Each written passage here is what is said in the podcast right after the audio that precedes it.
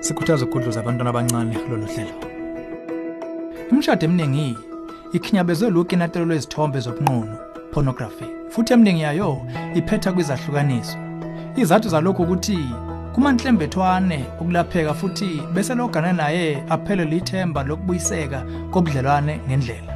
Sizobuka kabanzi inyathelo ezingathathwa ukunqoba ukinatelo oqede kuhlathulwe phambili emshadweni. Khona la ohlelweni ezomndeni. Nakanjani? Hlala nathi.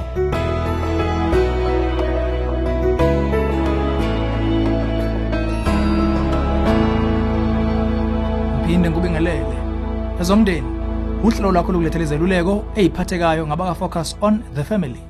Unkosikazi olahlekelwe lithemba usibhayile umbuzo wathi kuyinjwayelo yini ukumkhwena okade ecwilise ezithombeni zobunqunu qede ngabe saba nolangazelelo seduze emshadweni? Mina nomnyeni wami sokuphela inyanga ezu8 singayi enkonzweni yekamero. Uyazi ngiyalangazela ukuba kuyona kodwa yena unesibhocobhoco kuyona. Ngisola kuthinta udaba lobudlana benabo online.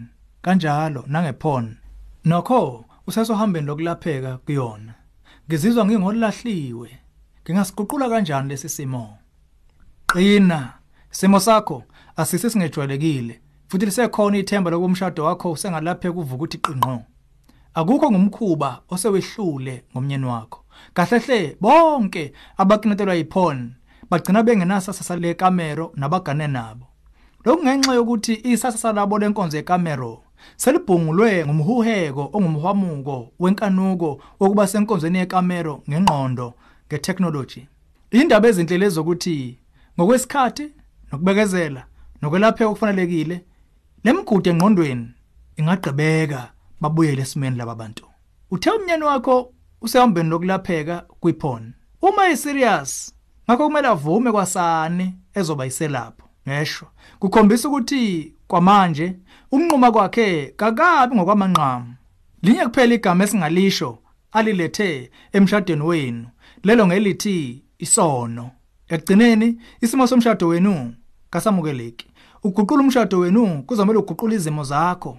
Kumfilibake ukuthi lokho ungakwenza uwedwa. Uma umnyeni wakho efuna ukulaxaza izolo lakhe kumele abe mdibi munye nawe ukuthola usizo langaphandle zenilapheke uma kuwukuthi nobabili ningamaKristu kuzomela nibona nomfundisi wenu xoxe ngengxenye zokomoya zengxaki yomshado wenu enibhene nayo.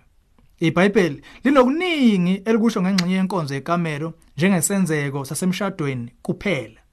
Khona lapho futhi liyala ukuba inkosikazi nendoda begodlelane inkonzo. Kuphela kube ngokwesikhathi ngokuvumelana. Ukuba nithola ithuba lokukhuleka nibuye nibe ndawonye ukuze usathana nganiyengi ngongayibambe kwenu. Eyokuqala kwabaseKorinte 7 verse 5 kunomgudu osembala nosemqoka ngaphansi koyalelo luthi umfazi kanamandla phezulu kwakhe umzimba kodwa indoda enawo kanjalo nendoda kayinamandla phezulu kwayo umzimba kodwa ngumfazi onawo.